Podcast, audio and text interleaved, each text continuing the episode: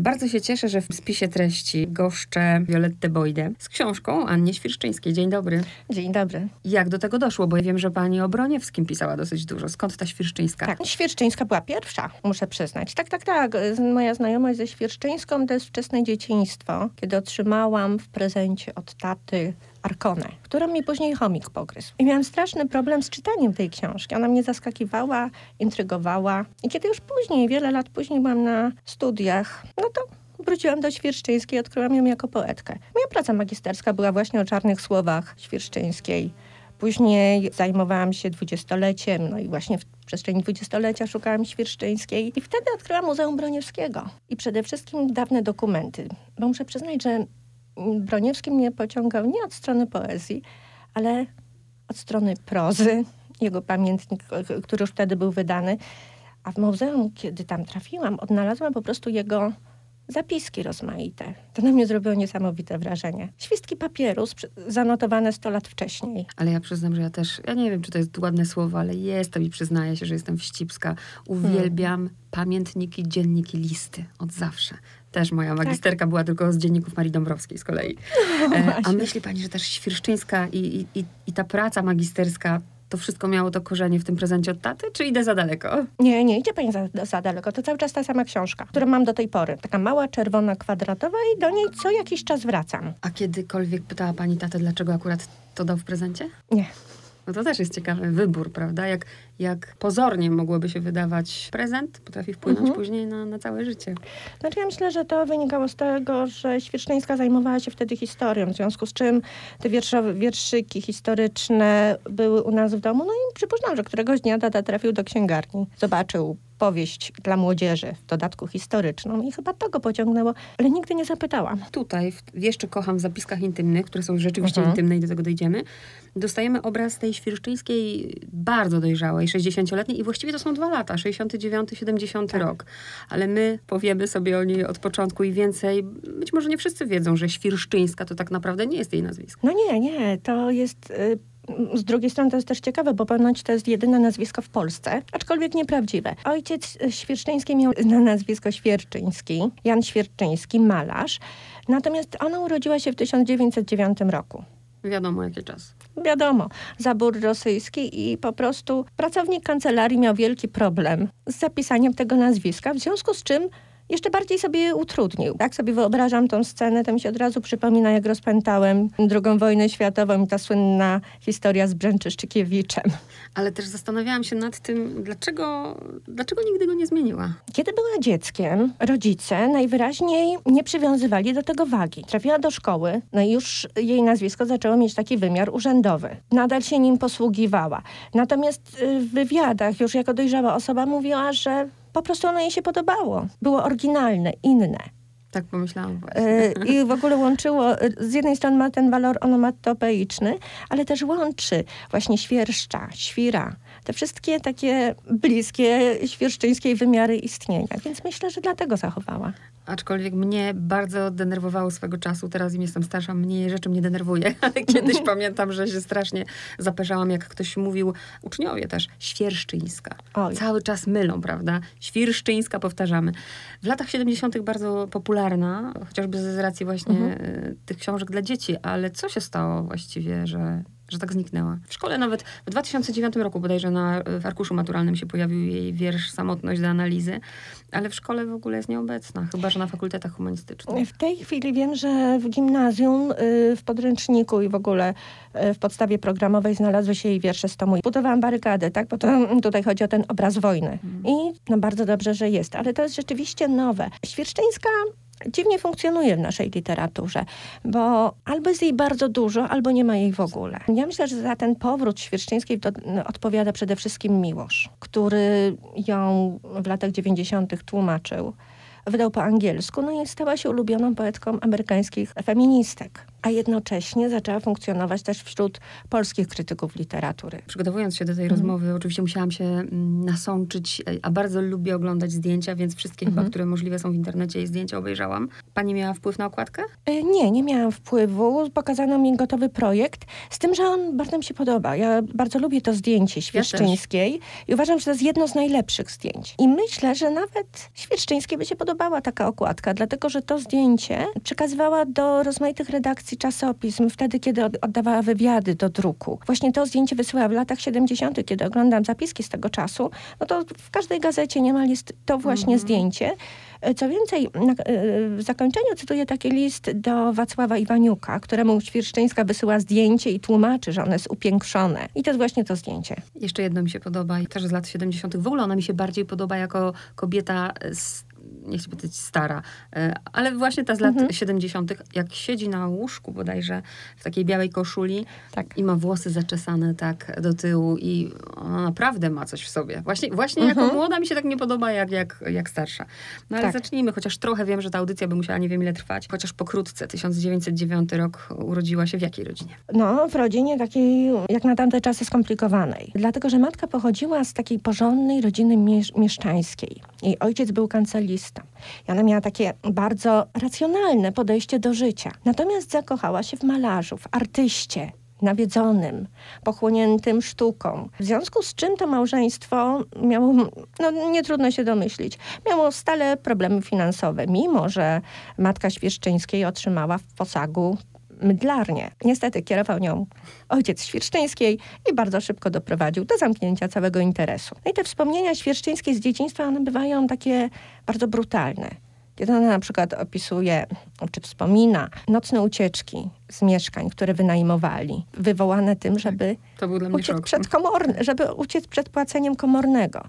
W domu nie było stołu na przykład. Ona roz, odrabiała lekcje na podłodze. Też kiedy czytałam fragmenty wywiadów z nią, były dla mnie takim niesamowitym szokiem. Trudne dzieciństwo, bieda, nieprawdopodobna bieda. Ona z, z radością wspomina z kolei swoje wakacje, dlatego że ojciec miał zlecenie z zachęty sztuk pięknych i organizował wystawę sztuki kurpiowskiej związku z czym na wakacje jeździli w okolice Ostrowca, tam biegała po rozmaitych wioskach. I to były takie jej magiczne wspomnienia z dzieciństwa, do których wielokrotnie wracała. Ale co mnie zaskoczyło, że w tych wspomnieniach z dzieciństwa i z młodości nie ma nigdy nic dobrego w takich migawkach warszawskich. To zawsze to bieganie na przykład przez Żoliborz na korepetycje, albo jakiś straszny wstyd, kiedy zapomniała ubrać czapkę na uczelnię, biegła z gołą głową. Zawsze jest jakaś negatywność w tych wspomnieniach wspomnieniach. Natomiast wszystko, co dobre, łączy się zawsze z tymi sielskimi wakacjami na wsi. I też wszystko, co dobre, ja takie miałam wrażenie mhm. po przeczytaniu, łączy się z tatą, nie z mamą. Niestety. Miała bardzo trudną relację z obojgiem rodziców, mam wrażenie. Natomiast tej relacji z matką chyba brakowało bliskości. Zresztą ona w pewnym fragmencie, który znalazłam, też o tym mówi, że już dawno urwała się między nimi miłość, nawet przyjaźń, ale podkreśla, że jej dobro fizyczne, jej zdrowie było zawsze dla matki ważne o tym wiedziała. No tak jak racjonalna mama, najważniejsze, żeby dziecko miało dach nad głową, co w talerzu, ona potrzebowała czegoś innego, dlatego tak. z ojcem chyba miała lepsze porozumienie. Też ojciec, artysta. Ale też jak pomyślałam o tym małżeństwie, to kolejny wniosek, że nie samym zakochaniem człowiek się nie naje, prawda? Zupełnie rozminęli się w życiu i nie rozumieją. Tak, zresztą Świerszczyńska ma nawet taki wiersz, kiedy jest pracowni ojca, patrzy na jego obrazy i nienawidzi jego mhm. obrazów, bo przez ich pryzmat widzi biedę swojego dzieciństwa, a z drugiej strony kocha te obrazy, bo to są towarzysze jej życia. Więc ona też miała taki ambiwalentny stosunek do tego stylu życia i no co ciekawe, w swoim już własnym dorosłym życiu nie odwzorowała go zupełnie. Świerszczyńska była bardzo praktyczna. Ona Do tego dojdziemy. Swoje Do utrzymanie. Dojdziemy, tak. Właściwie szybko zaczyna utrzymywać siebie i rodzinę. 25 mhm. lat to jest ten wiek, o który oczywiście musimy zahaczyć, bo wtedy zadebiutowała wierszem. Tak, tak. Y, wierszem Południe, bardzo jak na tamte czasy nowatorskim. Ja też się kiedyś zajmowałam tym tomem wierszy i proza, bo wiersz Południe później do tego tomu trafił. I zastanawiałam się, z czego to się wzięło w ogóle. Więc po studiach Świerszczyńska zaczęła pracować w Płomyku. Mhm. A te dziecięce wydawnictwa miały wtedy taką bardzo dziwną manierę. Maniera to chyba nie najlepsze słowo. Miały taki dziwny sposób funkcjonowania. Tekst był mniej ważny od ilustracji. W związku z czym skupowano od artystów ilustracje, czyli obrazki albo zdjęcia i dawano literatom, żeby na ich podstawie stworzyli tekst. Świerszczyńska nauczyła się właśnie w ten sposób pisać. To była taka jej pierwsza szkoła. Wiersze do obrazków. Natomiast w latach 30.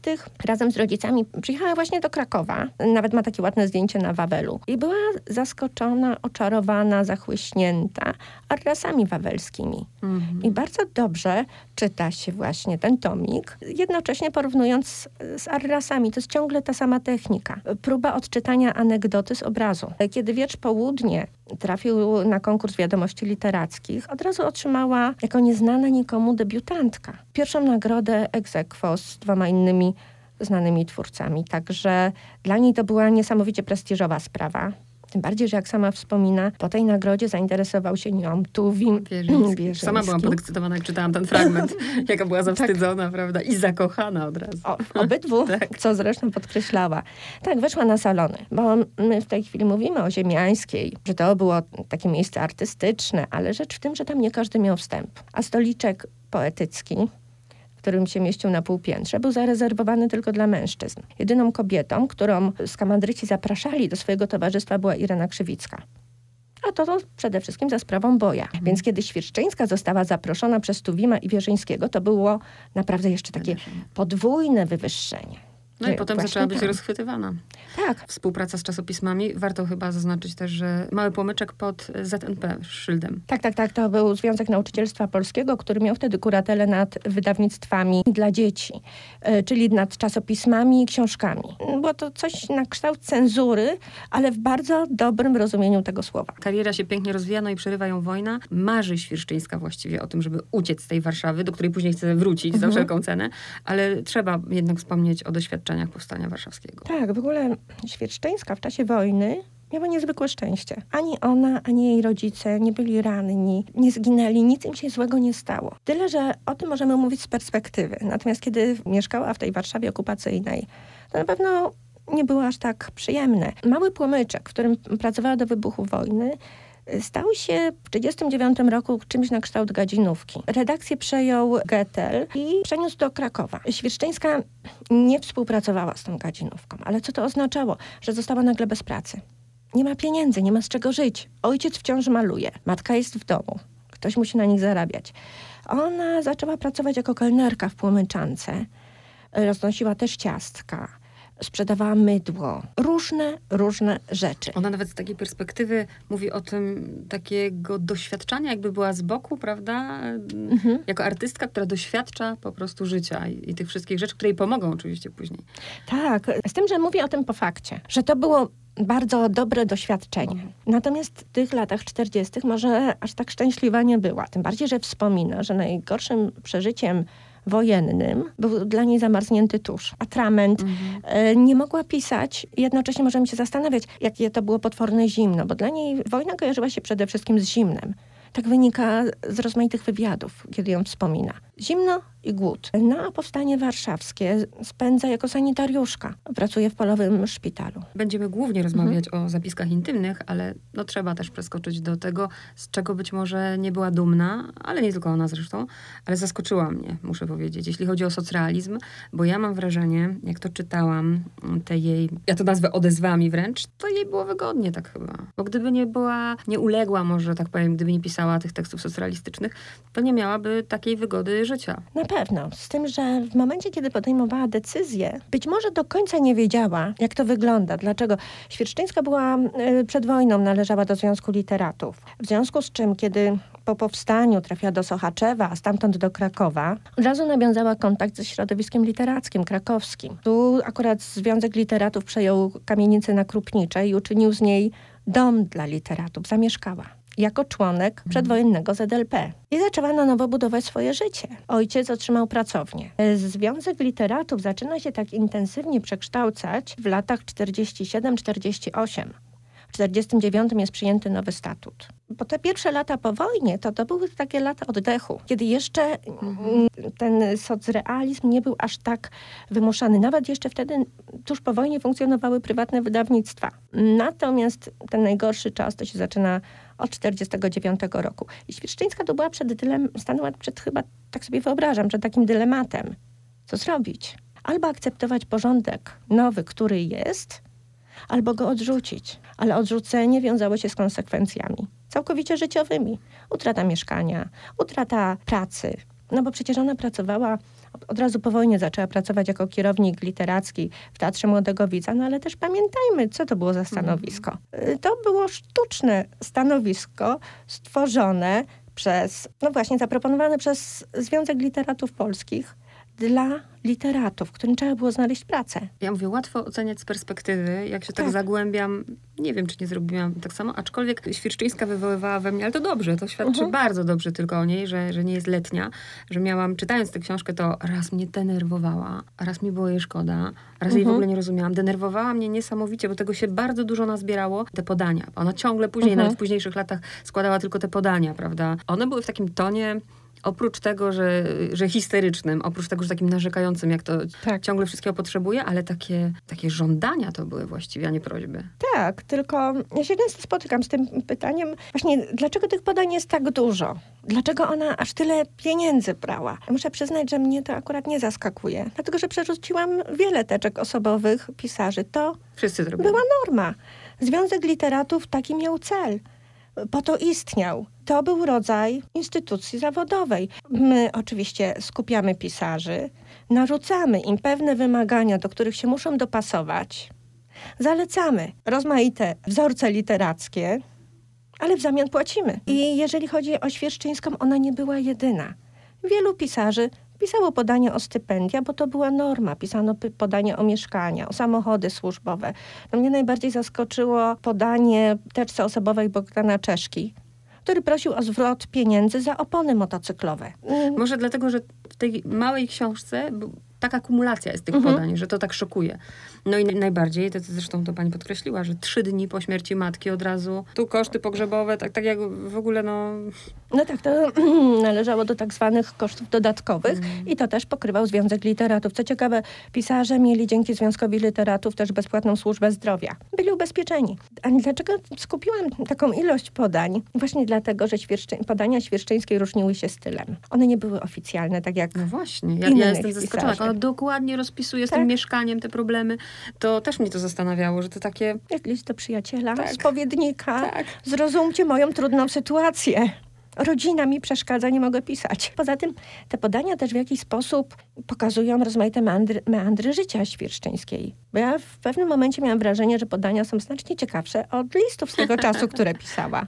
Dobre, Właśnie dobre. dużo bardziej oficjalne były listy. Natomiast podania moim zdaniem są też świetnym tekstem literackim, dlatego je skupiłam. Natomiast muszę przyznać, że ja wytraciłam wrażliwość na sumy, których oczekiwałam, właśnie dlatego, że to była norma. Nie była tu jedyna. Choć muszę przyznać, najbardziej zaskoczyło mnie podanie, y, którego nie ma w książce, ale wystosowała do Związku Literatów podanie o stypendium na napisanie sztuki, jednoaktówki, rozmowa z własną nogą. Pewnie ją pani zna, bo to jest jedna z najbardziej popularnych sztuk świeczczyńskiej do tej pory wystawiana jeszcze. Ale co mnie zaskoczyło, to w założeniu jest sztuka o wybuchu bomby atomowej.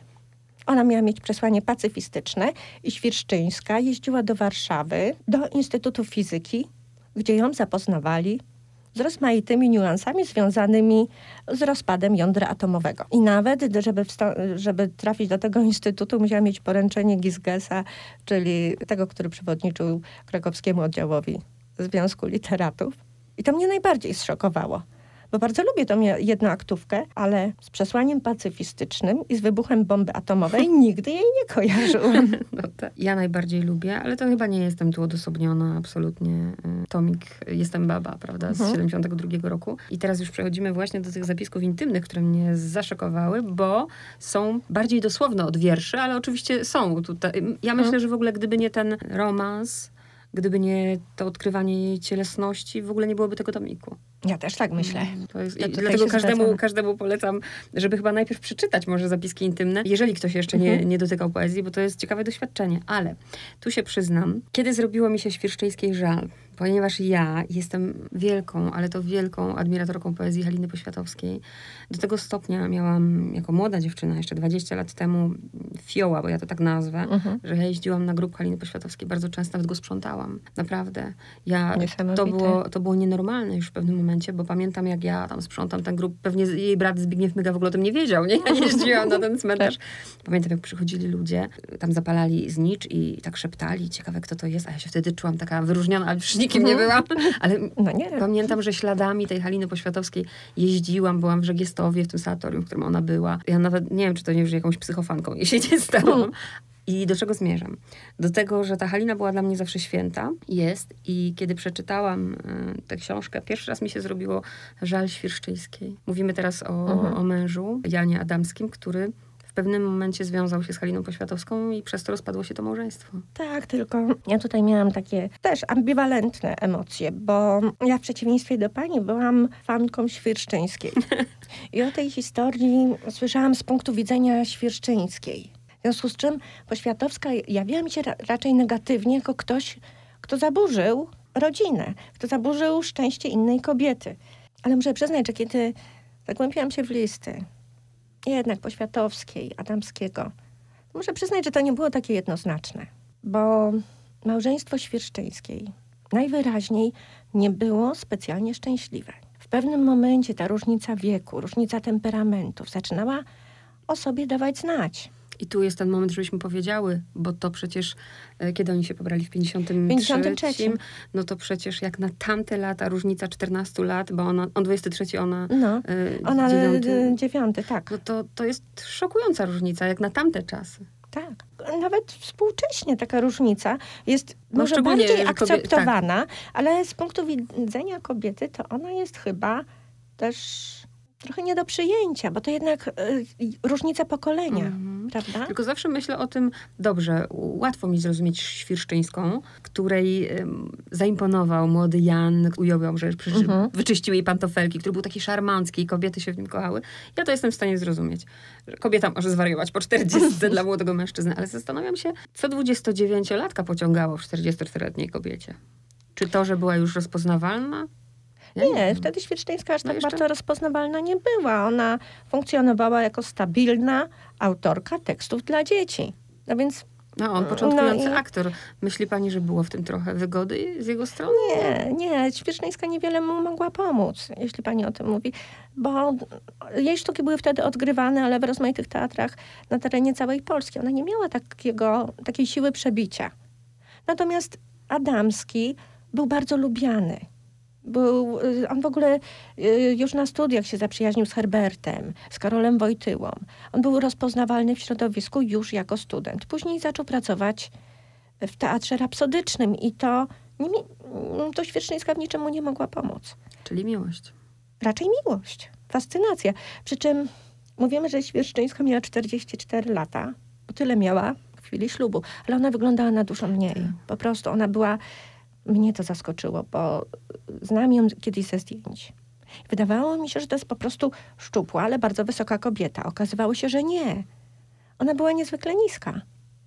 Miałam metr pięćdziesiąt parę centymetrów. W związku z czym drobna, subtelna, delikatna, jakaś eteryczna, poezja, dowcip, ironia. Więc nic dziwnego, że ona fascynowała mężczyzn. Mm.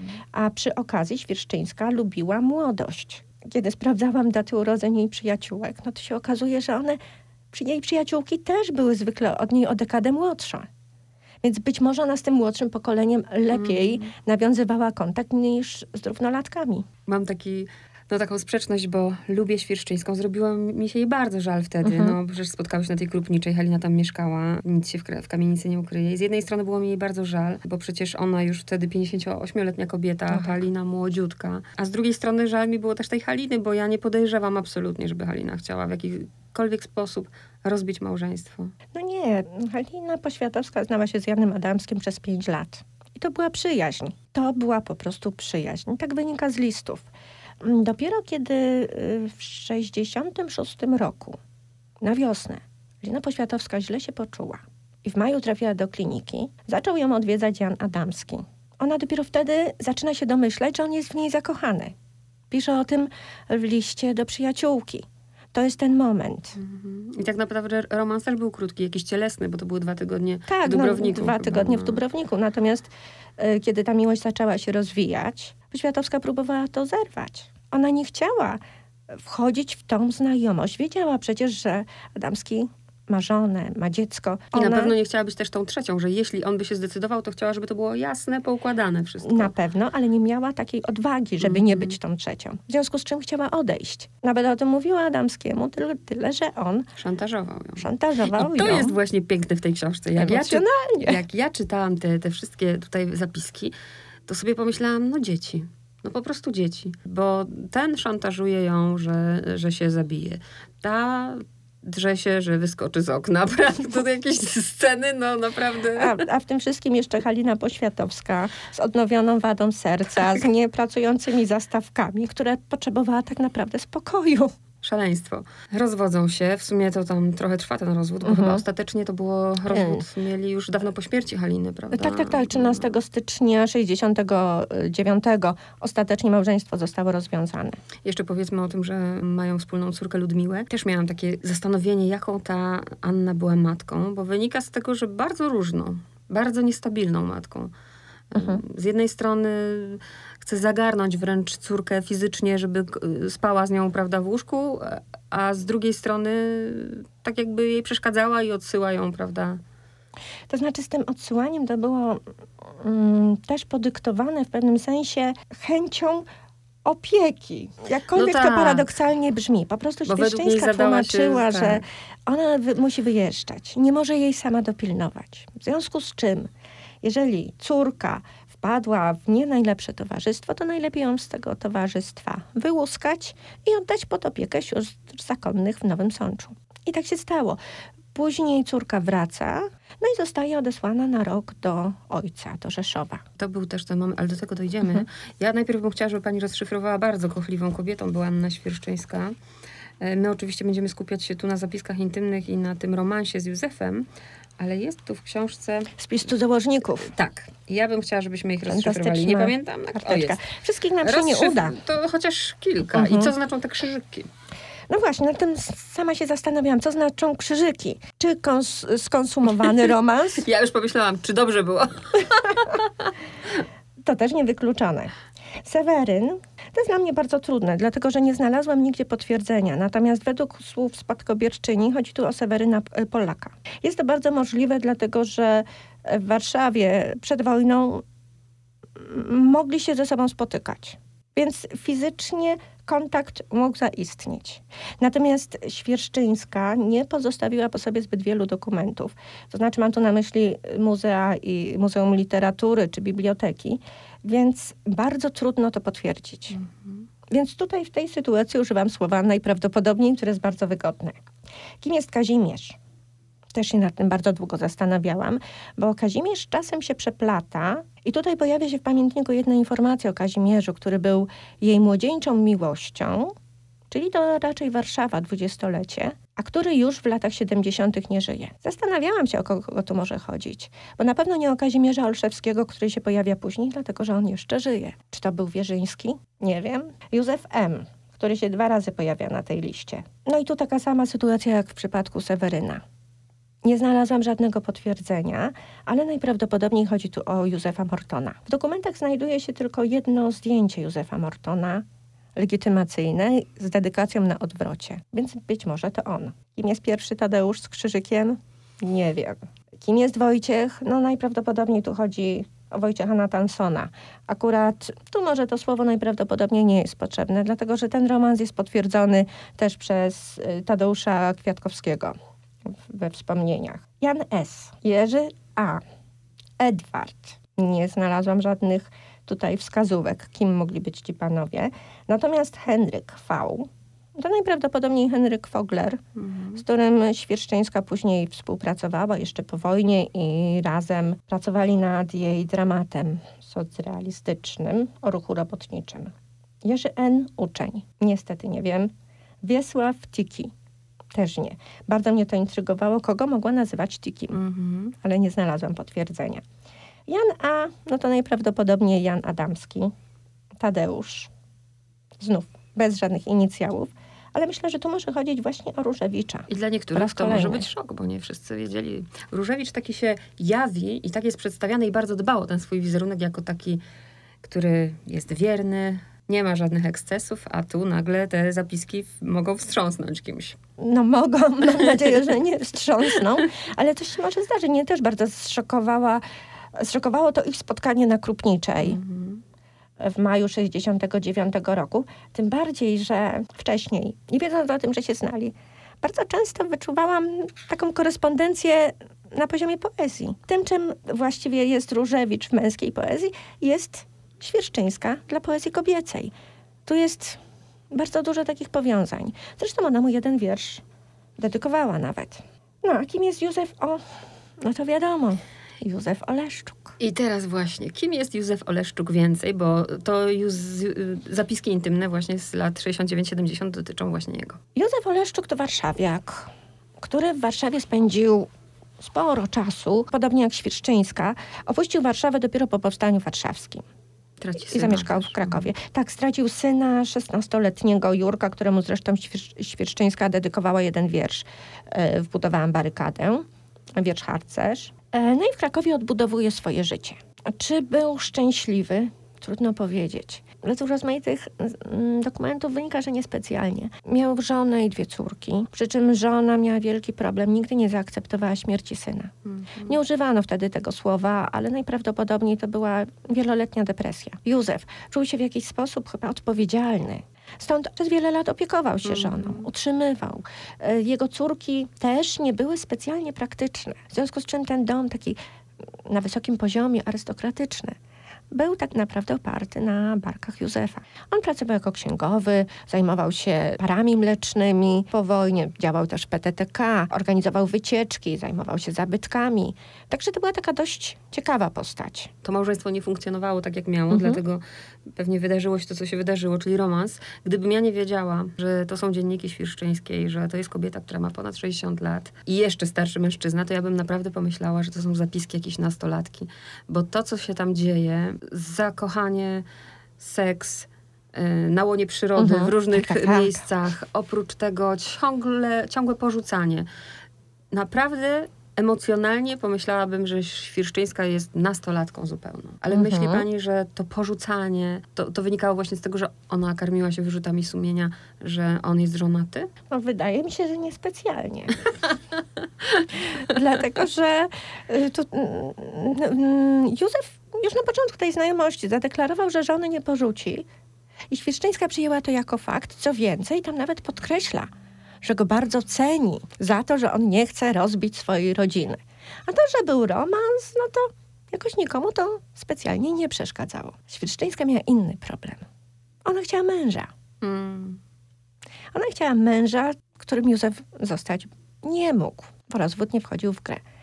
E, więc myślę, że porzucała go z tego powodu. Wiele razy się też broniła, prawda, przed dopuszczeniem go do siebie, ale mhm. też e, jest taki moment, on mnie wzruszył ten moment bardzo, bo mimo, że w pewnym momencie ona tak znienawidziła tego swojego męża, pisze do niego nawet do Adamskiego tak. na pan, to kiedy jadą do Rzeszowa i siedzą wszyscy u niego mhm. w mieszkaniu, to było po śmierci jego ojca chyba. Tak. I ona mówi o tym właśnie, że tak naprawdę nie pobiegłaby za Józefem, tylko właśnie za, za, za Janem. Ona go jednak nie przestała kochać. On ją bardzo tak. zranił, zszargał jej opinię, ale myślę, że ten honor jej nie pozwalał, ale kochała go do końca. Mhm. Też mi się tak wydaje. Ona nawet używa takiego określenia, że zhańbił ją w jej kobiecości. Porzucił. To wybrał inną kobietę, młodszą, piękniejszą. Dla Świerszczyńskiej to musiał być dramat, kiedy się porównywała z Haliną Poświatowską. Przecież Halina Poświatowska wyglądała tak, jakby żywcem wyszła z niewinnych czarodziejów, prawda? To była ikona tamtego czasu. A jeszcze dodatkowo po wizycie w Stanach e, była na, na czasie z modą. Nie? No oczywiście z modą, ale ona miała takie doświadczenie bycia tak. za żelazną kurtyną. Tak, tak. Przecież to była postać. I przegrać z kimś takim musiało być dla Świerszczyńskiej trudno. A jeszcze wiek i przecież ten kompleks, który ona ma, wynika z mhm. zapisków. Ona ciągle podkreśla, też, też mi było żal, bo ta potrzeba, niesamowita potrzeba akceptacji, którą miała. wielokrotnie powtarza to, że mówi jej ukochany, że ona pachnie świeżością, pachnie tak, tak. młodością. Tak. Starość też nam się kojarzy mhm. z pewnym zapachem. Tak jakby chciała wyprzeć to, że się starzeje. Swoją cielesność jak opisuje. I tak z jednej strony tego potrzebuje, ciągle tego mamy dużo, jaka ona jest wspaniała, jaka cudowna, tak. a z drugiej za chwilę nienawidzi siebie sama, prawda? Mhm. Nawet przewiersz, tak, mówię do swojego tak. ciała, ty ścierwo. Tak albo jest jeszcze zgrzebło z żelaza, prawda? To są rzeczy, których ona nie akceptuje. Nie wiem, czy to wynika z lęku przed śmiercią. Pośrednio pewnie tak, ale też nie akceptuje tych zmian w sobie. Ona chce być wiecznie młoda. Mm. Zmiany ciała są czymś, co ją kompromituje. Ciało to jej wróg. W jednym wieczoru nawet takie sformułowanie się pojawia. Ciało jest wrogiem, bo on, bo to ciało uświadamia jej, że ma lat 60, mm. że są widoczne zmiany, że tego nie zmieni. Ona się ciągle czuje młoda. I być może dlatego y, pani tu wspomniała, że to tak jakby zapiski nastolatki. Mm. Ale ona właśnie ma taką potrzebę. Tak. Być może dlatego, że jej życie było zawsze bardzo takie trudne. Ona musiała wcześniej dojrzeć nie mogła sobie na wiele rzeczy pozwolić. Musiała myśleć konkretnie, jak utrzymać rodziców, jak zarobić pieniądze, co pisać, czego nie pisać. Zawsze to takie wpisanie w obowiązek, podleganie czemuś, jakimś rygorom. A tu nagle ma 60 lat. Jest całkiem dobrą sytuację finansową, jest wolna. I nagle spotyka kogoś, przy kim może sobie pozwolić na zwolnienie wszelkich hamulców, na bycie tą nastolatką, którą wcześniej być nie mogła. Może to z tego też wynika. Nawet pomyślałam, to już tak zupełnie żartobliwie mm. mówię, ale dla, nie tylko dla 60-latek, mm -hmm. dla 40-latek również. To pewnie nie, nie jednej zazdroszczą właśnie takiego szaleństwa, pachania mm. się na łonie natury, prawda, ekscesów tego typu, także daje nadzieję, na, no nawet, tak, że na nic nie jest za późno. To na pewno. No tak, tym bardziej, że wtedy nawet kleszczy się nie musiała obawiać. W zapiskach intymnych mamy te dwa lata. Jaki, tak podsumowując, obraz Anny Świerszczyńskiej konkretnie z tych zapisków, nie z całego życia, ale z tych mhm. zapisków, mhm. jaki mamy, jaki się składa? On mnie bardzo zaskoczył, bo jawi się z niego kobieta krucha, spragniona mężczyzny, który ją będzie stale potwierdzał. Czyli tak jakby niepewna swojej wartości. To mnie bardzo zaskoczyło, bo na podstawie poezji miałam zupełnie inny obraz. Świerszczyńska tutaj mówi wprost: potrzebuję mężczyzny, który mnie dowartościuje, który będzie obok mnie, który będzie mi służył, a jednocześnie chcę być bardzo niezależna i dominować nad nim. Więc jest tutaj taka pewna sprzeczność, która chyba tylko w przypadku Świerszczyńskiej zdaje się możliwa do zaakceptowania, ta jej różnorodność, wielość, zmienność nastrojów. Czy myślę o niej jako o wzorcu kobiecości? Chyba niespecjalnie. Muszę przyznać, zaskoczyła mnie wielokrotnie. Przede wszystkim tym, że tak bardzo potrzebowała wyznań Józefa, do tego stopnia, że je zapisywała. Przy czym w początkowych notatkach to są, zapisywała jeszcze w taki sposób, że odznaczała je graficznie. Potem już nie. Czyli tak jakby z, z tym jego językiem się utożsamiała. Tak jakby przyjęła jego obraz jako swój. To, to, było dla mnie zaskakujące. No ale co było też bardzo pozytywne, że znalazła w sobie siłę, myślę, że dzięki Józefowi, żeby napisać dwa najlepsze tomy w życiu. To prawda.